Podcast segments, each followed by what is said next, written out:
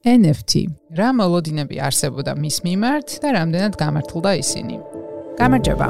ჩვენ მარკეტერიდან ვართ და ეს საინტერესო პოდკასტია. საინტერესო პოდკასტი შექმნილია ცოდნის და ცნობის მოყარე ადამიანებისთვის. აქ განსაკუთრებული ყურადღებით ვარჩევთ თემებს და გიყვებით აუცილებლად მოსასმენ ამბებს. პროექტის წარმოდგენია საქართველოს ბანკი. NFT non-fungible token ეს ბოლო დროის ერთ-ერთი ყველაზე ტოპ ხსენებადი სიტყვაა, რომელიც ალბათ ყველამ, ყველა არხში, ყველა ტიპის ადამიანისგან მოვისმინეთ. პერის ჰილტონიც კი ამაზე გვესაუბრებოდა და ნუ ბოლოს და ბოლოს ასე თუ ისე გასაგები გახდა ადამიანების გარკვეული ნაწილისთვის მისი მნიშვნელობა და დანიშნულება. შესაბამისად, ეს პოდკასტი არ იქნება იმაზე თუ რა არის NFT. უკვე გავიდა გარკვეული დრო, დავაგროვეთ გამოცდილება და შეგვიძლია შეფასებებზე გადავიდეთ. რა მოლოდინები არსებობდა მის მიმართ და რამდენად გამართლდა ისინი. რა გვეგონა და რა აღმოჩნდა? რამდენად სასარგებლო გამოდგა და რა ცვლილებები შემოიტანა როგორც არტისტების, ასევე ჩვეულებრივი ადამიანების ცხოვრებაში? ამ ყველაფერზე მაშო მარგიშვილი, ილუსტრატორ დიზაინერი, მაშოლენდის და აწუყე მაშოვერსის დამფუძნებელი გვესაუბრება. გამარჯობა მაშო, მადლობა სტუმრობისთვის. დიდი მადლობა მოწვევისთვის. მაშო, გითხარი NFT-მ რაქნა? აი თუ გაიხსენებ შენ თავს საწყის ეტაპზე, მაშინ რა წარმოდგენები და დამოკიდებულებები გქონდა ამ სფეროს მიმართ და დღეს უკვე როცა გამოცდილება დააგროვე, რაღაც გარკვეული ცოდნა მიიღე, რა შეიცვალა დღეს? აი აღქმები როგორი იყო მაშინ და დღეს როგორია? პირველად რომ გავიგე NFT-ის შესახებ, ძალიან არა სერიოზული დამოკიდებულება მქონდა, ეგ იყო ერთი წელიწად ნახევრის წინ შემაძმა მითხრა და შენ ხო არც დიდიო. თუმცა ისეთი დაკავებული ვიყავი რომ ნამდვილად არც მიფიქრია რომ რამე მომეძებნა. თუმცა მე ნახევარი წლის შემდეგ აგვისტოში ვიდეო ამოვარდა და თან ძალიან ბევრი ადამიანი მეუბნებოდა რომ მიდი მიდი შენი NFT გააკეთე და უცებ ვიდეოები რო ჩავრთე ნახევარ საათში აღფრთოვანდი. და მივხვდი რომ NFT იყო ერთ-ერთი საუკეთესო საშუალება ჩემთვის, რომ ჩემ მიერ შექმნილი სამყარო ციფრულად წარმომედგინა და ეგრევე მივხვდი, როგორ შემეძლო ამ სივრცის გაშლა და ამ სივრცეში ადამიანების შეყვანა. გულისხმობ მაშოლენს. ხო, მაშოლენდი არის პარალელური სამყარო, რომელიც მე აღმოვაჩინე და სხვა სხვა მედიუმის საშუალებით, როგორც ილუსტრაცია, ანიმაცია, კეთლის მხატვრობა, თუ ჩოლებრივი მხატვრობა, მერჩენდაიზი და ასე შემდეგ, მაგაცი საშუალებით ამ მაშოლენდილების ისტორიებს ყვები. კი, მე პირადად ძალიან ბევრ პერსონაჟს ვიცნობ მაშოლენდიდან. მადლობა, მადლობა. ხო და თავიდან აღფრთოვანება იყო, მე რა იყო შესწავლა 1-2 თვე ყოველდღე ვნახულობდი ვიდეოებს, კითხულობდი სხვადასხვა გამოცემებს, ასევე Twitter-ზე შევდიოდი, ვნახულობდი პოსტებს, რომ გამერკვია ჯერ ჯერ ესეთის გარკვეული ყავი სხვა სხვა ტერმინოლოგიაში, იმიტომ რომ ჩემთვის ძალიან უცხო იყო და ერთმანეთში მერეოდა. მეორე ის რომ მართლა დამენახა ჩემი თავი იმ სივრცეში, როგორც შემეძლო ჩემი ფიქრების და ჩემი ყალებში ოცნების განხორციელება. ხო და მე უკვე ორი თვის შემდეგ როცა მივხვდი რომ ეს ის არის, დავიწყე მზადება და თავიდან ძალიან გაურკვეველი იყო ეს სივრცე, ბევრი ადამიანი არ იყო იქ და ცოტა ქაოტურიც იყო. გაურკვეველი იყო საერთოდ ვისთვის იყო, ვინ იყვნენ ის ადამიანები, რომელსაც ყოველ დღე Twitter Space-ში ლაპარაკებოდი და თან Twitter-იც საქართველოსთვის ძალიან უცხო საკომუნიკაციო არხია და ეგეც დაგემატა, ხო? გარკვეული ყავი Twitter-ის თავისებურებებში. ეგრე იყო ნამდვილად თან ამერიკის დროზე მიწევდა და Twitter-ში შესვლა იმისთვის რომ ხა საინტერესო ადამიანებთან მე კონტაქტა. და ამავდროულად გარდა იმისა რომ Twitter-ი თვითონ შემესწავლო როგორც პლატფორმა, ასევე იმის შესწავლა მომიწია როგორ გამომეყენებინა ეს პლატფორმა საჩემოდ რომ გითხრა რომ ეხლა ძალიან დახელოვნებული ვარ არა.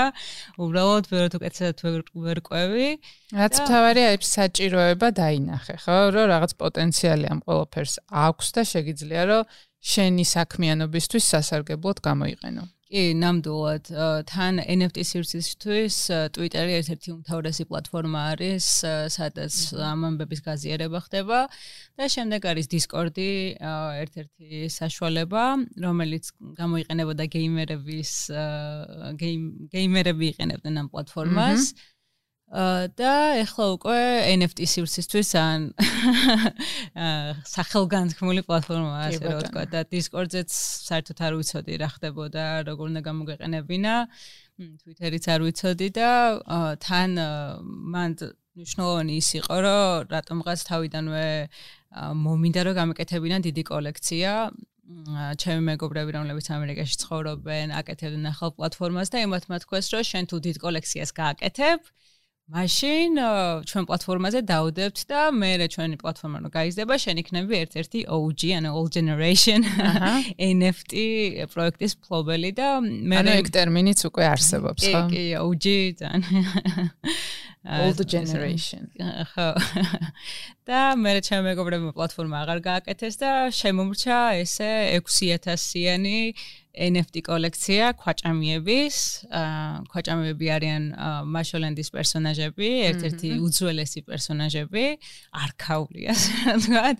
და ძალიან მხიარულები არიან, დადებითი განწყობის მატარებლები და სულ ცდილობენ სხვები გაამხიარულონ. თუმცა გარეგნულად ძალიან მარტივი გარეგნობა აქვს და ცოტა ბავშვურიც. ცოტა მინიონები ვით არიან.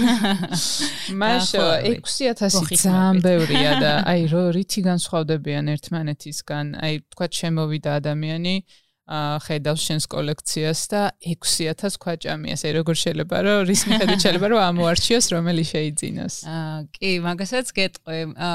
ამ 6000 ქვაჭამიიდან არის სამი სხვადასხვა ტიპის ქვაჭამი. არიან ჯირკვი ქვაჭამიები, არიან გზელფეხა ქვაჭამიები და სიამის ტყუპი ქვაჭამიები.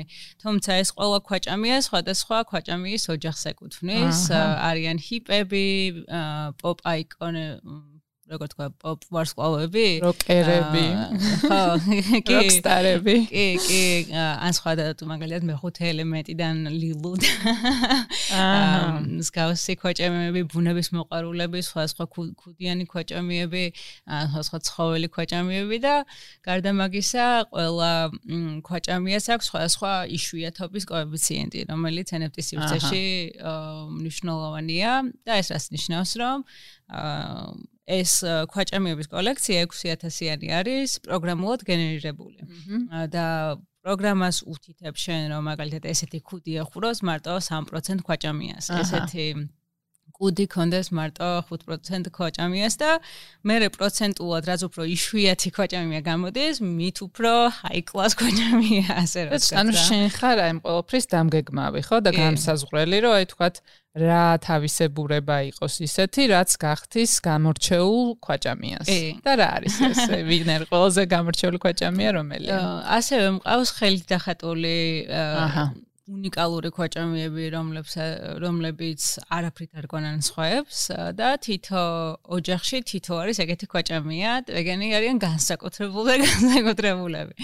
აა თუმცა ეს პროგრამულად გენერირება, ну, ჩემით ვისწავლე YouTube-დან. აა და სამი კვირა მივაკვდი. და ბოლოს რაღაცა გამოვიდა და იმდენი ვეღარ გავაკეთე, რომ ჩემით ამერჩია ზუსტად ეს ქვაჭამიები. თუმცა პროგრამა პროგრამა ისე აგენერირებს, რომ მაინც ყველა ქვაჭამი არის უნიკალური. აა თუმცა NFT-ს რაც შეეხება მაგაში გარკვევაც მნიშვნელოვანია ადამიანისთვის, როგორი ტიპის კოლექციის შექმნა და შეიძლება იყოს ეს პროგრამულად გენერირებული. ასევე შეიძლება AI-ის გენერირებული იმიჯი იყოს, რომელიც ცოტა სიურეალიზმში გადადის და ჩემთვის ცოტა საშიში საშიშოდ გამოიყურება, თუმცა ბევრს მოსწონს. ასევე შეიძლება იყოს თითო-თითო კოლექცია, აი მაგალითად ყველა თითოეული ნამუშევარი იყოს რადიკალურად განსხვავებული. თუმცა მე კაც ვერ ვერკვევი მუსიკალურ NFT-ზე და კიდე ცალკე განხრა არის, რომ მუსიკა შეიძინო რა რაიმე სხვა NFT-ით.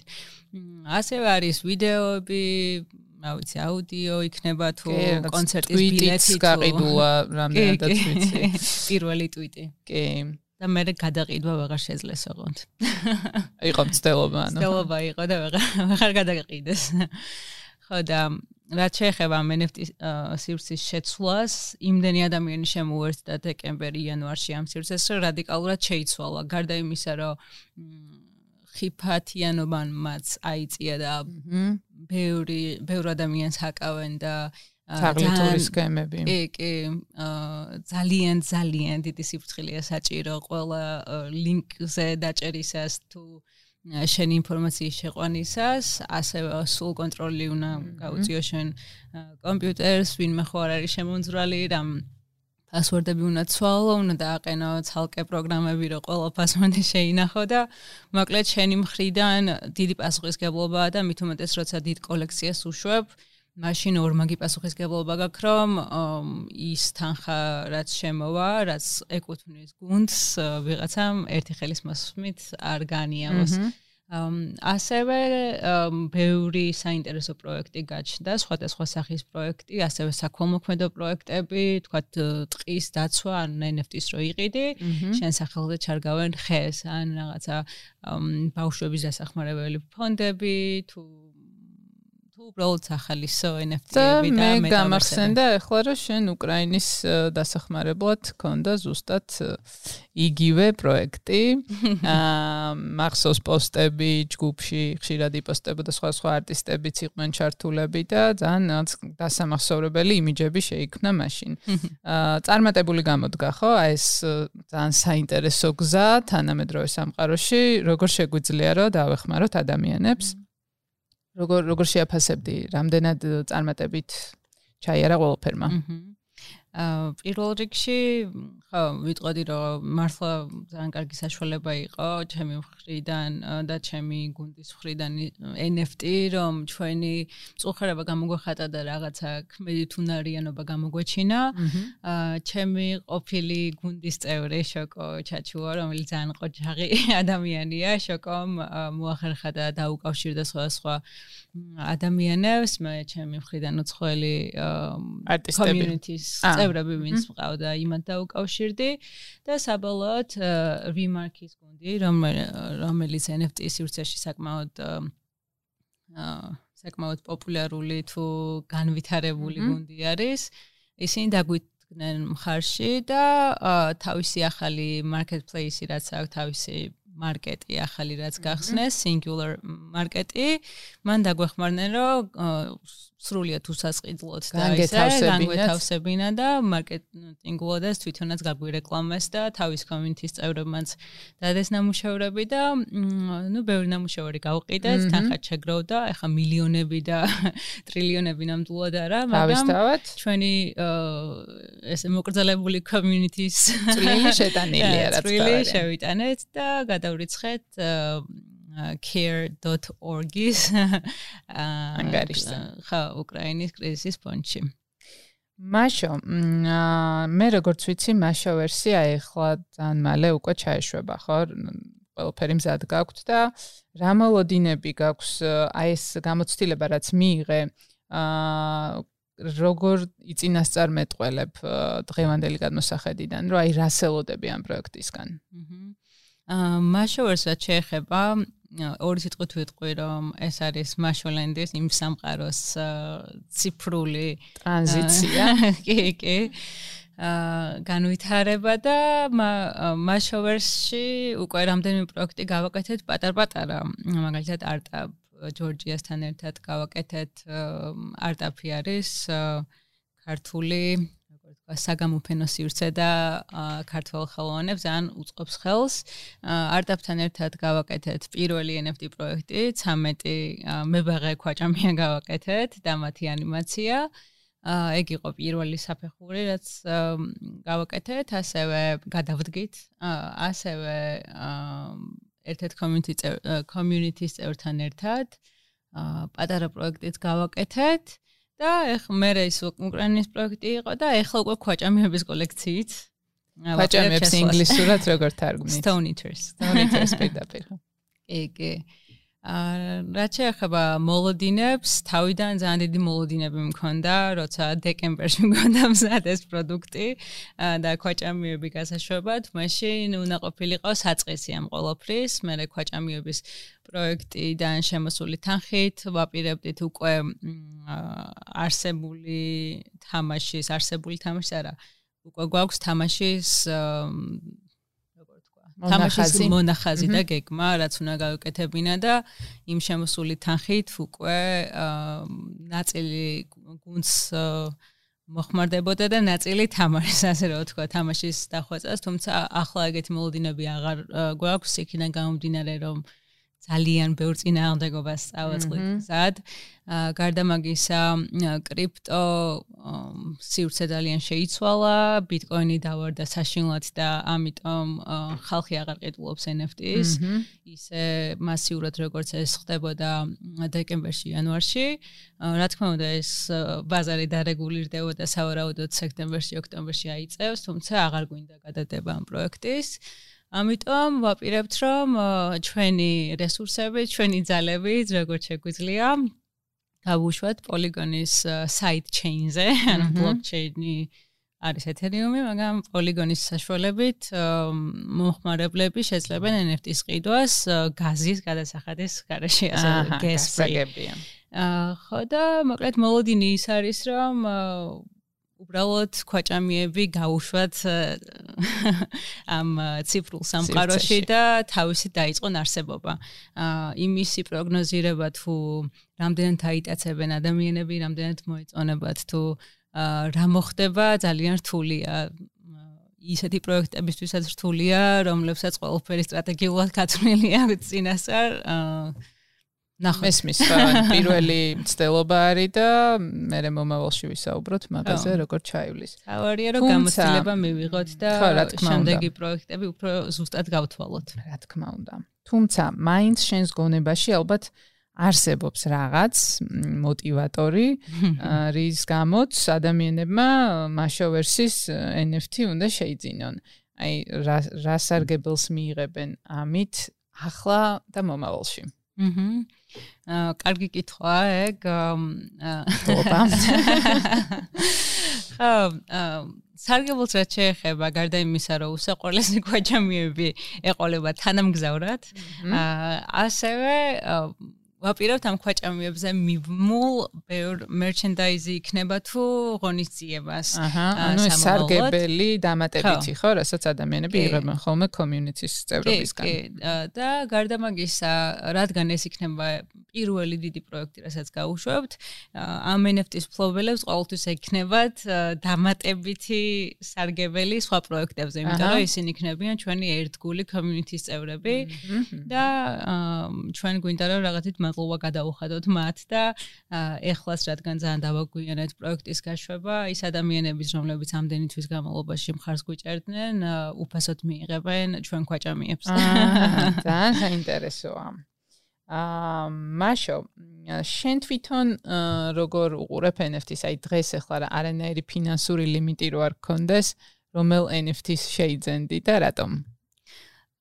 მე ახლა უფრო скеპტიკურად ვუყურებ, ვიდრე მანამდე ვუყურებდი. არა იმიტომ, რომ თვითონ ეს ტექნოლოგიური განვითარება არ მომწონს ან არ მჯერა ამისი, უბრალოდ ჩემთვის ძალიან კარგად გამოჩნდა ვინ დგას ამის სათავეში და რეალურად ეს ჩემი აზრია, შეიძლება არ არ არ დამეთანხმოს არავინ. მაგრამ ის რისიც ჩვენ გჯერა დღესდღეობით. ჩემთვის გამოჩნდა ის, რომ ეს NFT სივრცე, რომელიც უნდა ყოფილიყო თავისუფალი ხელოვანებისთვის, თავისუფალი ნებისმიერი ადამიანისთვის, აა ტოვებდა მხოლოდ რაღაცა პატარა გასაძრომ ადგილს ადამიანებისთვის რომ გამზროლიყვნენ, თუმცა ამის თავში ისევ და ისევ დგას ის 1% სოფლიოს უმდიდრესი ადამიანების, რომლებიც ამ ყველაფერს მართავენ და ახლაც როცა ბიტკოინი ძალიან დავარდა, ჩემთვის აა ძალიან ათელი გახდა ეგ რომ ვინც არის მდიდარი ის უფრო გამდიდრდა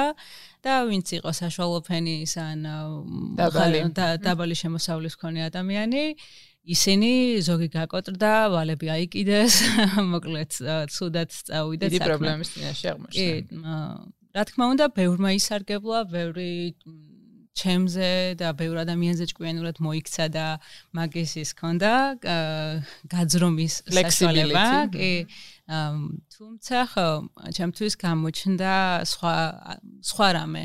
ვიდრე ველოდი რა მე უფრო აუთენტურობისკენ მიმავალი გზა მეგონა რა რომ ხელოვნებისთვისაც უფრო თავისუფალი სივრცე იქნებოდა მაგალითად ხმის ჩამწერი სტუდიე სტუდიები უკვე შემოვიდნენ ისე რომ ჩვენ დაგიდებთ NFT-ს და იქიდან ავიღებთ პროცენტს. სინამდვილეში ეს იმიტომ აწყობდა მუსიკოს, რომ ხმის ჩამწერი სტუდია არ აიღებდა პროცენტს. და ნუ ბევრი ეგეთი რაღაცა ხდება რა, რეალურად დიდი ორგანიზაციები უკაცრავად ამ სიტყვისთვის და მოასხდნენ ამ ტექნოლოგიას და ალბათ ეს გარდაუვალი იყო უბრალოდ ჩემი ბავშვური დამოკიდებულებით ვიმედოვნებდი კი რა თუმცა არ ნებდები და მაინც მიდიხარ წინ და მაინც არის რაღაცა მიზანი რისი გახორციელებაც შენს გულს უნდა.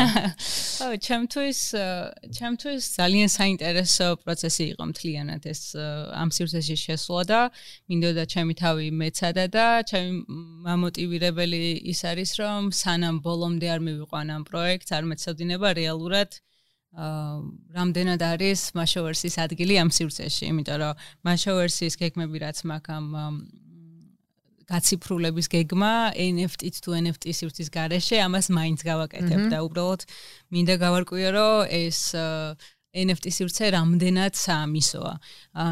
სხვა პროექტებს რაც შეეხება, ბევრი OG პროექტი არის, რომელიც მომწონს ზოგი ზოგზე ვფიქრობ რომ ფინანსურად იქნება სარგებლიანი და მე როგორც ვთქვი ინვესტიცია ხო რაღაცა? ხო როგორც ინვესტიცია ეგრე თუმცა ვიზუალურად დიდად არ ვიხიბლები როგორიცა ეს board apes და ასევე world of women რომელიც ჩემთვის არის საინტერესო ქალები NFT-ში თვალსაზრისით. და ისე რაც როგორ? და ღირებული შესაბამისად. ნუ ღირებული თან ეს OG პროექტები რაც არის, საინტერესო, კი არა, ღირებული იმ ხრივ არის, რომ ძალიან დიდი community ყავთ, ძალიან ბევრი კონტაქტი აქვს და გარდა მაგისა ფინანსური თუ ადამიანური რესურსი იმისთვის რომ რასაც პირდებიან თავის community-ის წევრებს ისინი აასრულონ. ამას ჭირდება OG არის old generation ან პიონერები, ასე ვთქვათ, NFT სამყაროში, ხო? ხო, პიონერები. თუმცა არის მაგალითად Moonbirds ეგეთი პროექტი, რომელმაც ერთ ღამეში გადაუსწრო ძალიან ბევრ პიონერ პროექტს. აა რაც შეეხება ისე ვიზუალურად და საჩემოდ რაც მომწონს, არის Mystic Wizards, ეგეთი პროექტი უსაყვარლესი ჯადოქრებზე პროექტი და სადაური. კარგი. მგონი ავსტრალიელები არიან დამფუძნებლები და მეგობროთ ესე Twitter-ზე და ისედაც კარგი პროექტია, ვიზუალურად ეგენი მომწონს, ასევე არის Frameboy Journey, რომელიც არის Solana-ს blockchain-ზე. და ეს Frameboy Journey არის ადამიანის მენტალურ ჯანმრთელობაზე და აკეთებენ როგორც კომიქსებს და ძალიან საინტერესო ილუსტრაციებს, ასევე ცდილობენ რომ ეს ცნობადობა ამაღლდეს. ანუ არ არის მხოლოდ კომერციული პროექტი, ემსახურება სხვა კეთილსაქმესაც. ეს ორი არც ერთი არა კომერციული ორივე, უფრო და მაგით ამაგწანს. ხო. ჰუმანური პროექტებია, მოდია, თქვა ჩემთვის. მაშო, აი ახლა ამ ყოველფრის მე რაც მოყევი, რომ აი ამდენი რისერჩი მოგიწია, ამდენი წვალება, ამდენი რაღაც სიახლის სწავლა, ცრემლი და უფლი. დამოკიდებულებებით შეგეცვალა ეს скеპტიციზმი გადაიქცა უკვე რაღაც კონკრეტულ შეხედულებად, ასე ვთქვათ, ამ სფეროზე. აა აი დღეს ვინც იწებს განსაკუთრებით ალბათ ქართველი არტისტები აი ამ სფეროში ფეხის შედგმას ვინც გეგმავს, რა რჩევებს მიცემდი, რომ აი ცოტა შეუმსუბუქო ეს პროცესი, რაც აქვთ გასავლელი. მე ვიტყოდი რომ კვლევა ისეთი საფეხურია, რაც არ უნდა გამოტოვონ. დასკიფო ხო? არც ერთ შემთხვევაში. აუცილებლად გასაკეთებელია კვლევა, როგორც Gary V იტყოდა. 50 საათიანი კვლევა გჭირდება იმისთვის, რომ NFT სივრცე შეისწავლო. და ნუ ეს კვლევა აუცილებლად გასაკეთებელია და არა ისე, რომ შედიხარ Facebook-ზე და კითხულობ, რომ მაინც რა არის NFT, არამედ რეალურად კითხულობ ინფორმაციას, ან თუნდაც YouTube-ზე უყურებ სხვადასხვა ვიდეოებს, სადაც ძალიან ლაკონურად არის მოყვანილი ყველაფერი და ერთი ხელის მოსმით შეგიძლია ეს ნახო. ძალიან მარტივად კი.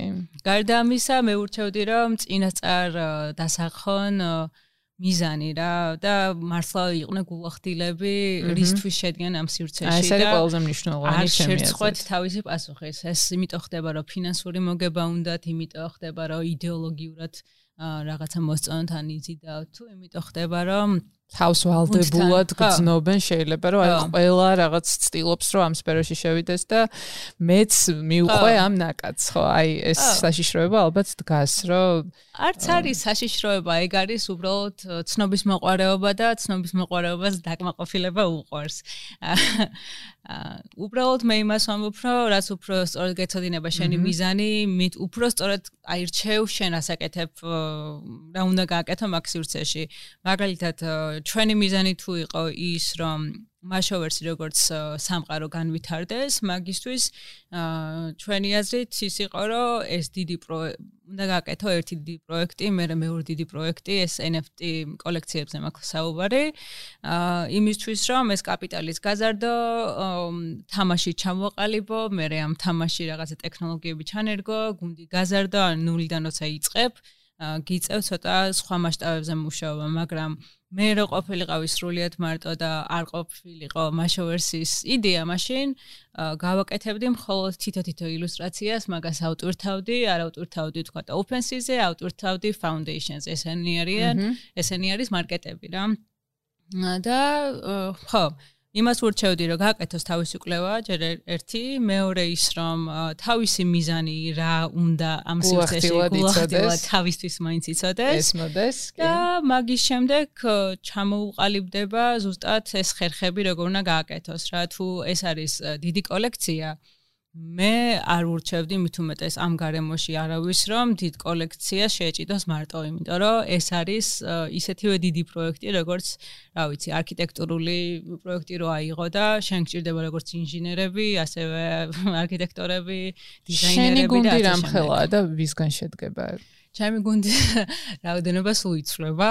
ბოლოს ვიყავით 6-ნი, ვიყავი მე, მარკეტინგის მარკეტინგული სტრატეგი, ვიყავით ვიდეო დიზაინერი. ანუ ესეც მნიშვნელოვანია, რომ მარკეტინგული სტრატეგია კონდეს პროექტს და ძალიან ხაზს გავუსვამდი მეც ჩემი გადმოსახედიდან, რომ ეს არსებობდეს ეს ხედვა. კი, ეგ აუცილებელია, მით უმეტეს ჩემნაირი ადამიანისთვის, რომელიც ყოველფერს მიმოდებულია და შენ თავში შეიძლება ბევრი რამე ხდებოდეს და შენ იცოდე, მაგრამ ის რომ ეს შენი ფიქრები გადმოთარგმნო და ვიღაცას გაუზიარო, ეს უფრო სხვა პროცესია და სჭირდება პროფესიონალი ადამიანი, რომელიც ამ ყოველფერს ჩამოაყალიბებს. ასევე ყავს ვიდეო გრაფიკოსი, ყავდა პროგრამისტი, web 3 ან web 3, როგორც თქვა, web 3 პროგრამისტი, რომელიც გაქრა, გაუჩინარდა პროექტის გაშვება სამი დღით. და სამი დღის წინ გაქრა და დღემდე არ ვიცით გზაკვალი.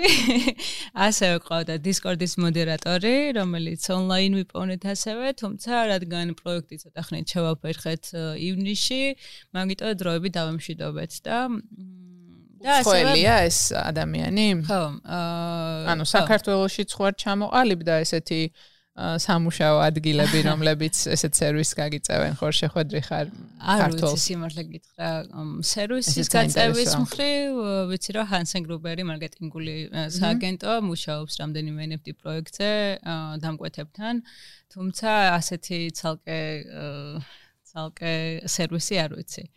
და ბოლოს ასევე ყავს დიზაინერი, მეორე დიზაინერი, თუმცა მე და ესენი, ჩემი ესენი ქვია, თურქი მეგობარია ჩემი, რომ რომელთან ერთადაც თამაშის დიზაინზე ვსწავლობდი და მე და ესენი პარალელურად თამაშზე მუშაობდით.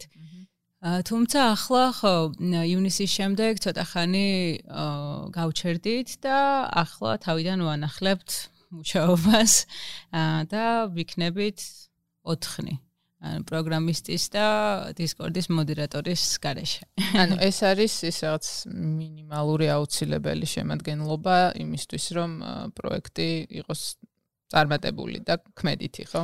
მე ვიტყოდი რომ ხო თორსა დიდ პროექტზე არის მიდის მუშაობა სასურველია ყავდეს ინვესტორი იმიტომ რომ მე ყველაფერს ჩემი საკუთარი ხარჯებიდან და სხვა პროექტებიდან შემოსული თანხით ვაკეთებდი. მიუხედავად იმისა რომ ინვესტორებისგან ქონდა ბევრი შემოთავაზება მე როგორც გამოუცდელი ამ საქმეში ცოტა მერჩი უნდა ჩემით გამეკეთებინა ჯერ ვიდრე რამე პასუხისგებლობა ამეღო. თუმცა როცა უკვე მიზნები სწორედ გაქვს დასახული უმჯობესია რომ ყავდეს ინვესტორი და ან ბიზნეს პარტნიორი რომელთან ერთადაც ამ ყველაფერს გააკეთებ. თუ არა და პატარა პროექტი თუ არის ახლა რასაც შენი ხელით აკეთებ და არ გჭირდება ცალკე დიდი community და ცალკე დიდი ამბავი მარტოდ გამკლავდები ასე რომ ეგ ძალიან მნიშვნელოვანია და ბევრ დროს დაუზოგავს ადამიანს, როცა იცის რას რისთვის აკეთებს რა.